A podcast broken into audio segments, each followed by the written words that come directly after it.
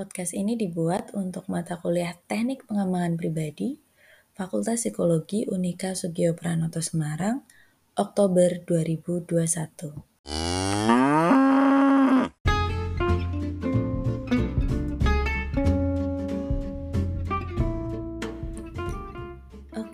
Selamat siang semuanya. Selamat datang lagi di podcast untuk mata kuliah Teknik Pengembangan Pribadi.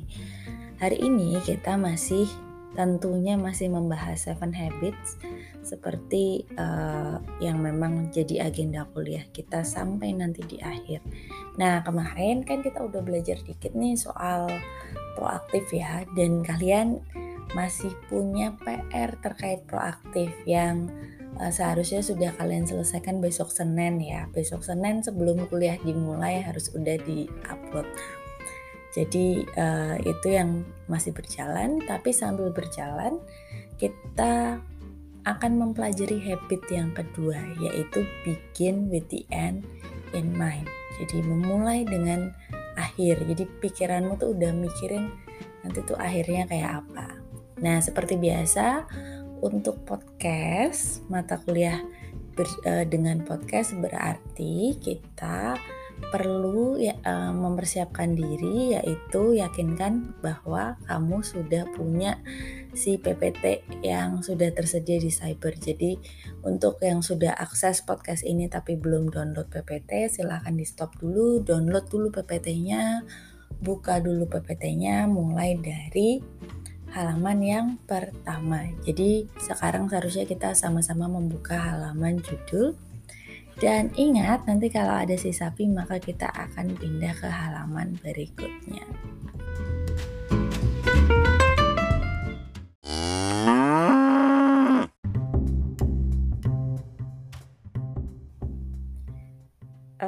Tadi udah ada suara sapi, berarti apa? Berarti kita perlu pindah ke slide yang kedua. Oke, dan uh, slide yang kedua ini kita ngomongin habit kedua, the second habit. Ingat nggak kemarin kita ngomongin habit pertama yaitu proaktif dengan PR-PR yang sudah saya berikan yang sebenarnya ingin mengatakan pada kalian bahwa apa pun yang terjadi pada kalian, sebenarnya kalian tuh sekarang punya kontrol. Alias kalian tuh uh, the driver of your own life gitu ya. Alias kamu tuh supirnya. Hidupmu yang nyetir tuh kamu, bukan orang lain.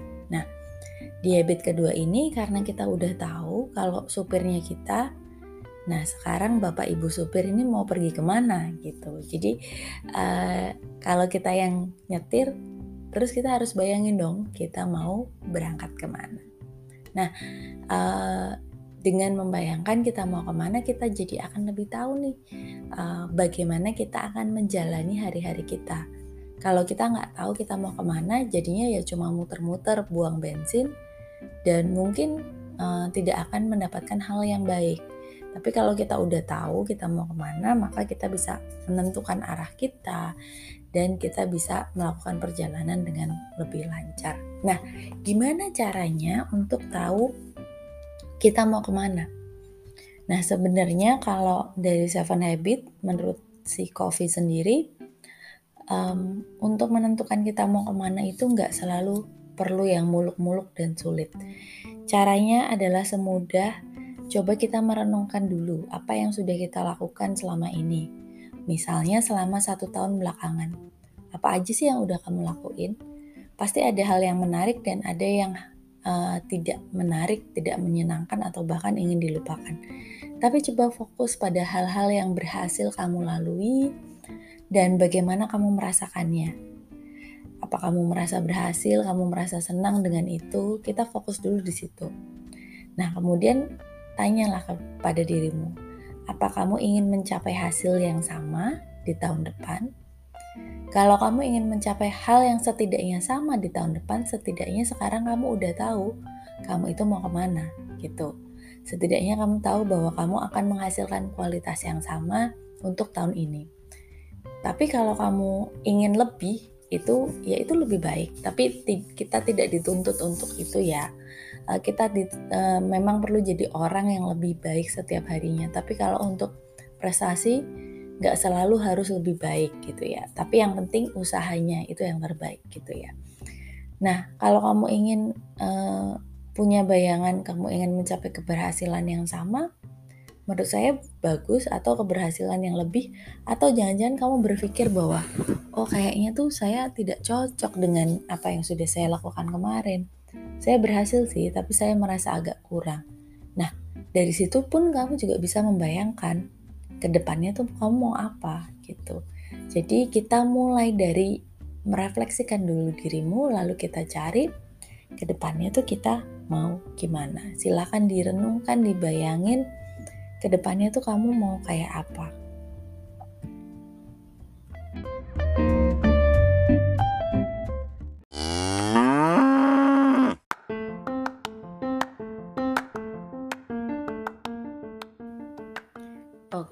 Sudah dibayangkan mau seperti apa?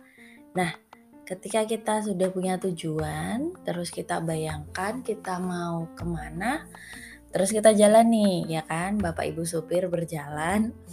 Terus nanti di tengah-tengah mungkin kita akan nemu um, persimpangan gitu ya, perempatan.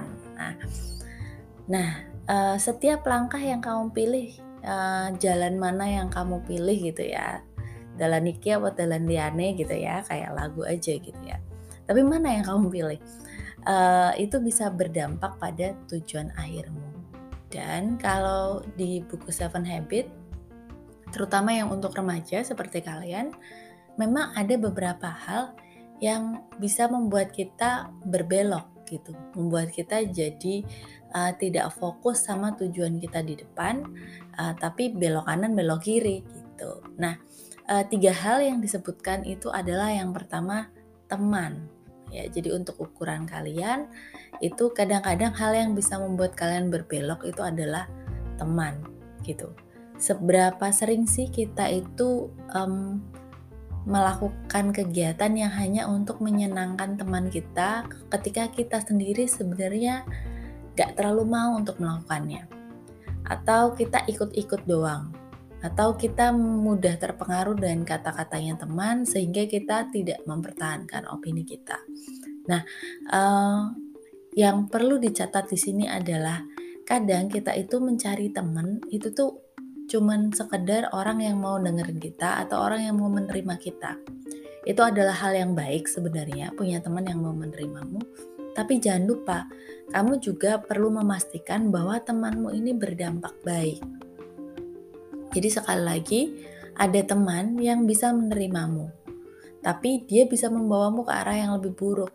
Misalnya, uh, kamu orangnya galauan, gampang nangis misalnya ya, dan teman-teman yang lain gak suka dengan itu. Tapi ada satu teman yang menerimamu yang seperti itu, tapi terus karena tahu kamu gampang galau, diterima, terus diajak minum-minum misalnya gitu. Nah, ini kan akan sedikit membelokkanmu gitu ya. Jadi, uh, punya teman yang menerima itu oke, okay, tapi pastikan teman ini juga membawa dampak yang baik buatmu. Kamu masih muda, masih banyak waktu untuk um, apa ya berpikir soal bagaimana dampak teman-teman dan akan banyak sekali teman yang kamu temui sepanjang hidup begitu ya. Tapi mungkin nanti kalau udah ya 10 tahun lagi waktu kalian seumuran saya misalnya uh, kita tidak terlalu banyak membuat teman yang baru tapi kita akan tahu mana sih teman lama yang masih bertahan dan biasanya memang teman lama yang masih bertahan itu memang mereka yang punya dampak baik sama hidup kita. Begitu. Nah, jadi lihat satu-satu temanmu apakah dia mendukungmu, apakah dia mengarahkanmu, apakah dia hanya ingin memanfaatkanmu. Jika teman-temanmu ini masih berdampak baik, pertahankan tapi kalau teman-temanmu ini uh, justru membuatmu tidak uh, melakukan hal baik, maka jangan ikut berbelok. Nah, hal kedua yang cukup penting uh, yang di masa remaja ini bisa membelokkan orang adalah terkait seks. Um, saya tahu di Unika itu banyak mata kuliah yang membantu kalian untuk lebih memahami soal kondisi seksual, kesehatan reproduksi, juga interaksi seksual dengan orang lain uh, di masa kalian sebagai remaja. itu seks adalah suatu hal yang bikin kalian penasaran mungkin karena kalian sudah tertarik dengan lawan jenis begitu ya. Tapi ingat seks itu tidak melulu soal hubungan seksual ya. Uh, apa namanya hal yang terkait seksualitas itu bisa dimulai dari daya tarik gitu. Bagaimana kamu merasa kamu punya daya tarik dan bisa uh, menarik buat orang lain. Kalau dilihat sama orang lain tuh wah kece nih orang gitu ya. Itu itu pun sudah masuk ke uh, ranah seksualitas gitu ya. Tapi ada juga yang sampai ke uh, hubungan seksual. Nah uh, seks ini selalu menjadi sesuatu yang bikin orang penasaran, terutama ketika dia belum punya uh, apa namanya satu pengalaman, yang kedua kebebasan untuk itu. Kita tahu ada perbedaan budaya di barat dan di sini.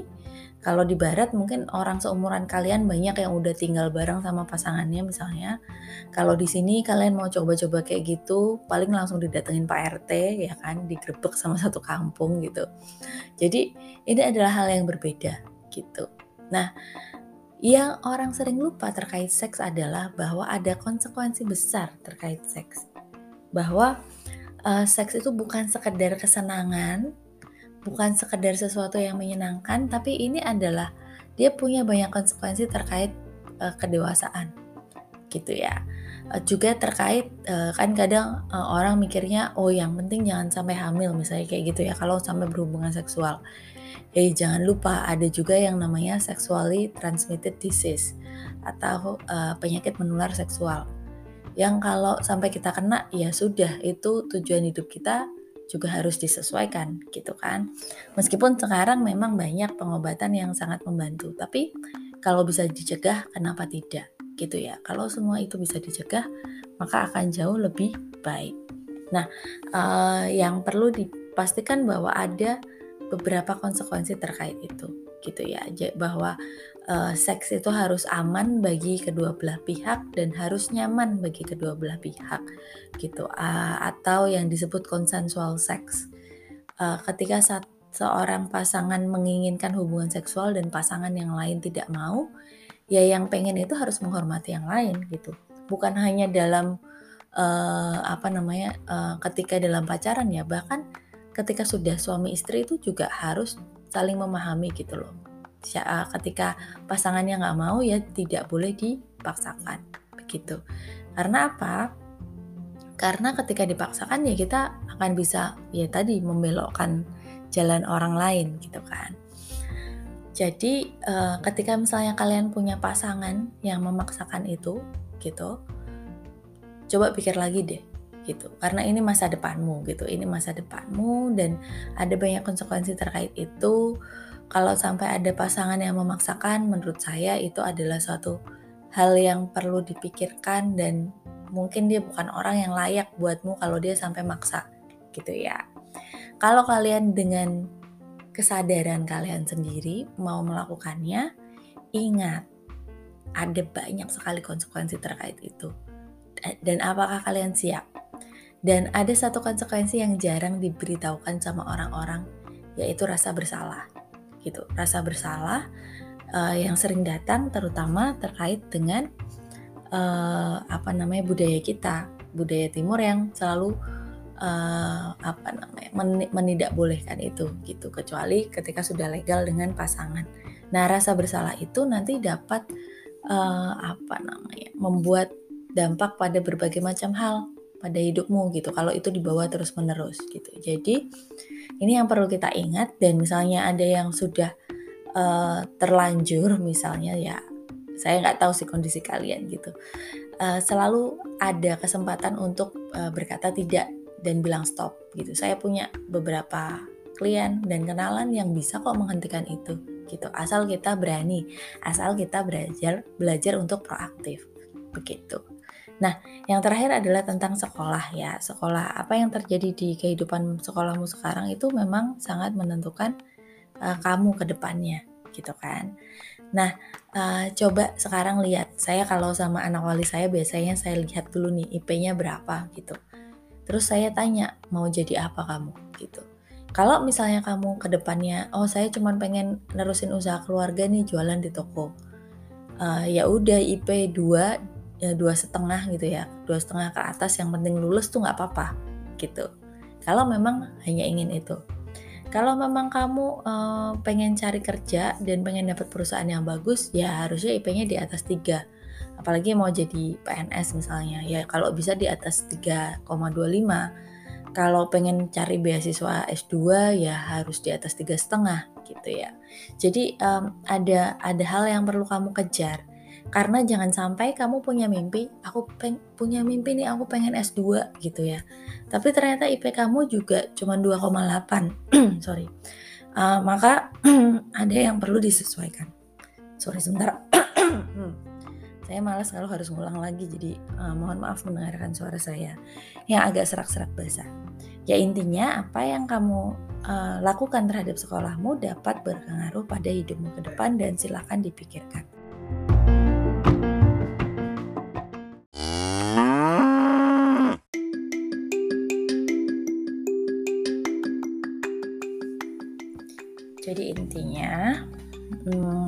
Ada banyak uh, simpangan yang mungkin akan membelokkanmu gitu ya coba dilihat itu hal yang baik atau enggak buat dirimu, berguna atau enggak buat dirimu, dan juga bukan cuma untuk saat ini, tapi ke depannya kalau enggak bagus ya uh, berani untuk bilang tidak gitu ya. Kontrol sendiri takdirmu, nasibmu mau ke mana gitu ya.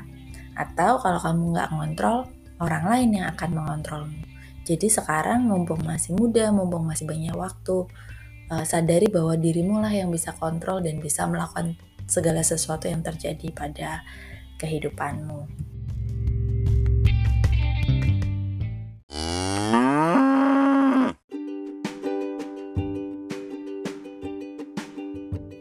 Nah, terus gimana dong cara kita menentukan tujuan kita?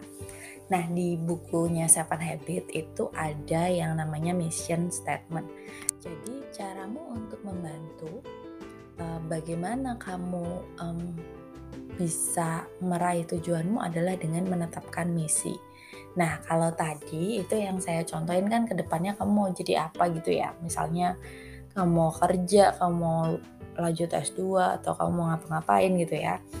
Tapi sebenarnya hal yang lebih mudah untuk menentukan tujuan kita adalah punya misi yang um, merupakan moto hidup atau hal yang bisa kita jalani dalam hidup gitu.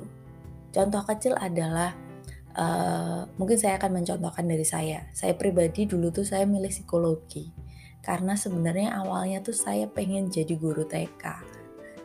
Karena saya bayangin gini, jadi guru TK tuh enak ya kan. Kerjanya cuma bentar. Kerjanya mainan lagi sama bocah ya. Saya masih suka tuh main-main puzzle, main-main apa sih mencocok, mewarnai pun jelek-jelek juga apa-apa kan guru TK ya kan. Uh, terus waktu apa waktu pada libur kita juga libur gitu kan jadi enak gitu uh, itu yang saya bayangin tapi memang saya suka anak-anak waktu itu uh, tapi di sisi lain gitu ya di sisi lain saya juga punya uh, pemahaman bahwa diri saya itu bukan orang yang pemberani gitu. Jadi dari kecil saya tahu saya itu saya punya kakak yang lebih kuat dari saya gitu yang selalu protektif gitu ya cewek gitu.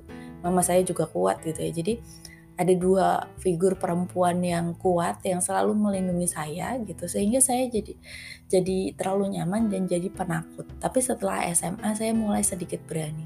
Sehingga waktu itu yang uh, masih masih sangat rajin berdoa kan waktu itu jadi yang selalu saya doakan adalah uh, aku ingin jadi lebih berani aku ingin jadi lebih berani gitu jadi uh, ingin menjadi orang yang lebih berani, ingin menjadi orang yang lebih mau berusaha sendiri, lebih mandiri. Nah, inilah yang ternyata saya tidak sadar itu jadi misi saya. Begitu. Tadinya saya pikir misi saya adalah nanti lulus psikologi jadi guru TK gitu. Singkat cerita, uh, lulus psikologi ada teman ngajak bikin TK bareng uh, karena dia punya tante yang tajir gitu ya. Tantenya mau kasih kasih pendanaan untuk kami bikin TK gitu. Terus habis itu saya sama teman saya kumpul untuk bikin TK. Uh, eh, terus kita lihat syarat-syaratnya administratif banyak banget. Terus tiba-tiba kita semua males terus nggak jadi. Jadi uh, mimpi saya hilang begitu saja gitu di depan mata gitu. Uh, tapi di sisi lain uh, ternyata dalam perjalanan saya uh, lebih menyukai dunia klinis gitu ya. Kalau TK kan lebih ke perkembangan pendidikan ya. Saya ternyata lebih menyukai dunia klinis. Waktu itu klinis anak sehingga uh, lebih nyemplung di situ. Dan di sisi lain tentunya setiap hari saya mendoakan untuk lebih berani. Jadi lebih berani pun mau mencoba dan ternyata ketika kita lebih berani kita juga jadi lebih tahu apa keinginan kita gitu kan.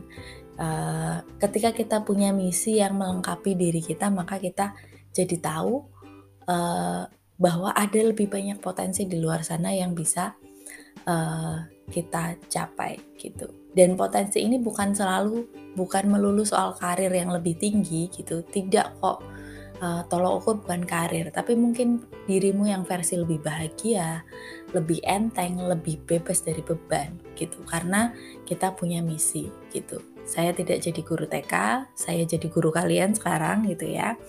Tapi uh, saya ingat bahwa uh, saya pernah sangat ingin punya misi untuk jadi pribadi yang lebih berani. Itu kasus untuk saya. Untuk kalian pasti berbeda-beda. Mungkin kalian sekarang sudah lebih berani daripada saya dulu, tapi kalian punya sesuatu yang ingin kalian uh, raih. Tapi bukan jadi bukan profesinya, tapi sifat-sifatnya, karakternya, kepribadiannya, apa yang yang ingin kalian uh, lakukan gitu. Dan ini adalah seperti blueprint dalam hidupmu gitu ya. Ingat, kalian lagi ngambil DTKP kan, pasti bikin skala kan mungkin ada yang langsung bilang aduh ingat tugas DDGP gitu. Pasti bikin blueprint kan. Kamu mau nanya orang kamu ingin mencari tahu sesuatu tentang kondisi seseorang tapi kamu nggak punya pegangan kamu nggak punya blueprint maka nggak tahu deh hasilnya kayak apa gitu ya. Uh, kamu akan bingung mau ke mana.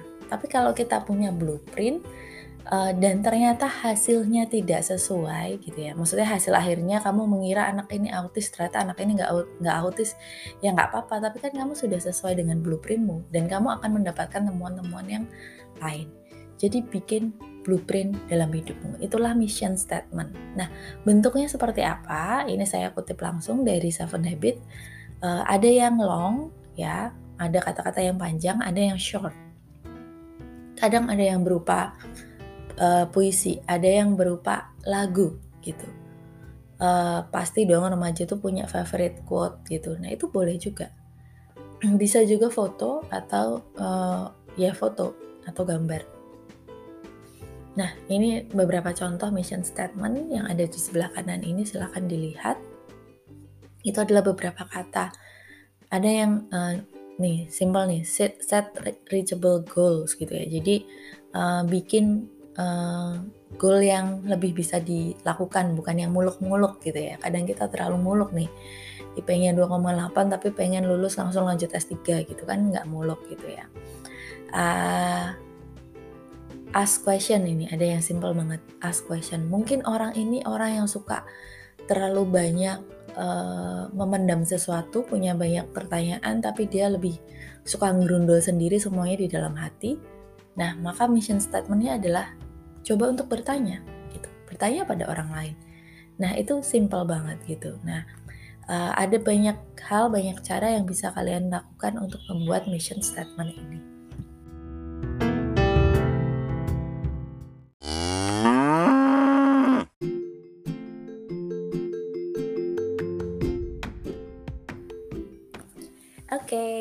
Kita sudah sampai pada slide yang terakhir. Jadi materinya hari ini sebentar karena seperti biasa aktivitas kalian yang lebih banyak gitu ya. Aktivitasnya apa hari ini? Jadi sekarang setelah ini uh, kalian berpikir dan berefleksi dulu. Apa aja sih yang ke belakang? Mungkin satu tahun, mungkin boleh lebih gitu. Um, apa yang sudah kamu lakukan dan kamu berhasil, kamu senang, uh, kamu mengalaminya tuh uh, excited gitu loh. Nah, terus kamu bayangkan dirimu ke depannya. Kamu mau jadi seperti itu lagi gitu. Kamu mau setidaknya mencapai hal yang sama. Nah, kalau mau berarti itu adalah satu pertanda bahwa kamu memang sudah ada di jalan yang tepat dan kamu akan menjalaninya. Tapi kalau belum, berarti mungkin kamu sudah membayangkan hal lain, alternatif lain yang ingin kamu lakukan. Nah, uh, dari sini bikinlah mission statement gitu ya. Ingat tadi mission statement bentuknya bisa kata-kata, bisa quote, bisa puisi, bisa lagu misalnya ya. Apa pun itu tapi yang uh, yang benar-benar pengen kamu jalani sebagai dirimu gitu ya. Tulis uh, dengan tangan. Jadi permintaan saya adalah begini. Kalian menulis dengan tangan. Maksudnya pakai pensil, pulpen, krayon, spidol atau apa pun itu ya, bukan cuma di laptop, di HP gitu, tapi dengan tangan. Terus ya ditaruh di kertas. Terus silahkan cari tempat untuk uh, bisa kamu tempelkan dan bisa kamu lihat. Gitu. Jadi taruh di satu tempat yang bisa kamu lihat. Tidak harus orang lain lihat tapi bisa dilihat sama dirimu sendiri. Uh, misalnya nih saya lagi-lagi saya contohkan saya juga orangnya nggak begitu suka sebenarnya apalagi zaman dulu nggak begitu suka kalau ada orang yang tahu saya tuh pengennya apa gitu. Jadi saya juga menempelkan kata-kata semangat pada diri saya. Waktu saya masih SMA itu tapi saya tempelnya itu di dalam di balik pintu lemari belajar gitu ya uh, jadi dulu waktu SMA saya pakai lemari, lemari lemari belajar yang ya kayak orang umumnya lemari Olimpik itu ya. Tapi bukan yang gambar Hello Kitty ya sorry ya. Yang maksudnya kayu-kayu tapi kayunya kayu kayu kawenya kayu plastiknya Olimpik itu. Um, maksudnya satu meja belajar kan memang bisa dilihat orang ya gitu. Nah yang bisa bagian yang bisa dilihat orang itu saya tempelinya rumus-rumus matematika, kimia. Nah itu itu pencitraan aja. Tapi kalau kamu buka lemarinya, dan kamu lihat di balik lemari, nah di situ saya menempelkan kata-kata yang hanya saya konsumsi sendiri gitu ya terkait uh, bagaimana menyemangati diri saya gitu. Um, kemudian itu biasanya saya kunci gitu, jadi cuman saya yang bisa lihat kuncinya juga saya sembunyiin gitu. Nah itu itu style saya gitu. Cuman uh, saya bilang bahwa um, hanya kamu yang punya kendali apakah mission statementmu itu hanya ingin kamu yang lihat atau kamu boleh share ke orang lain atau bahkan kamu ingin share ke seluruh dunia misalnya kamu foto terus kamu upload di Instagrammu kamu tag semua orang gitu kamu tag saya kamu tag semua orang gitu ya itu terserah kamu. Tapi yang yang saya butuhkan untuk forum discussion ini adalah kamu tempel di suatu tempat yang bisa kamu lihat lalu kamu foto dan kamu upload di forum discussion. Untuk kita share ke teman-teman lain untuk berbagi begitu. Masalah di rumah itu kamu sembunyiin di tempat tertentu atau kamu uh, mau pajang itu agar dilihat semua orang itu adalah keputusan pribadi kalian masing-masing gitu ya. Sesuai dengan style kalian masing-masing. Tapi setidaknya uh, kita perlu berbagi dengan teman yang ada di kelas ini karena kita berproses bersama. Jadi silahkan bikin mission statementmu dengan tangan, lalu tuliskan, eh sorry, lalu tempelkan di tempat yang bisa kamu lihat, lalu foto dan share di forum diskusi. Dan ceritakan seperti biasa, saya minta uh, cerita kalian. Saya senang loh baca cerita-cerita kalian tuh asik-asik gitu ya. Uh, ceritakan kenapa kamu pilih mission statement itu gitu ya. Jadi uh, foto lalu upload di forum diskusi seperti biasa saya akan bikin berkelompok lalu kamu ceritakan kenapa pilih mission statement itu. Komen terhadap postingan teman sangat boleh sekali. Oke, jadi itu tugas untuk hari ini.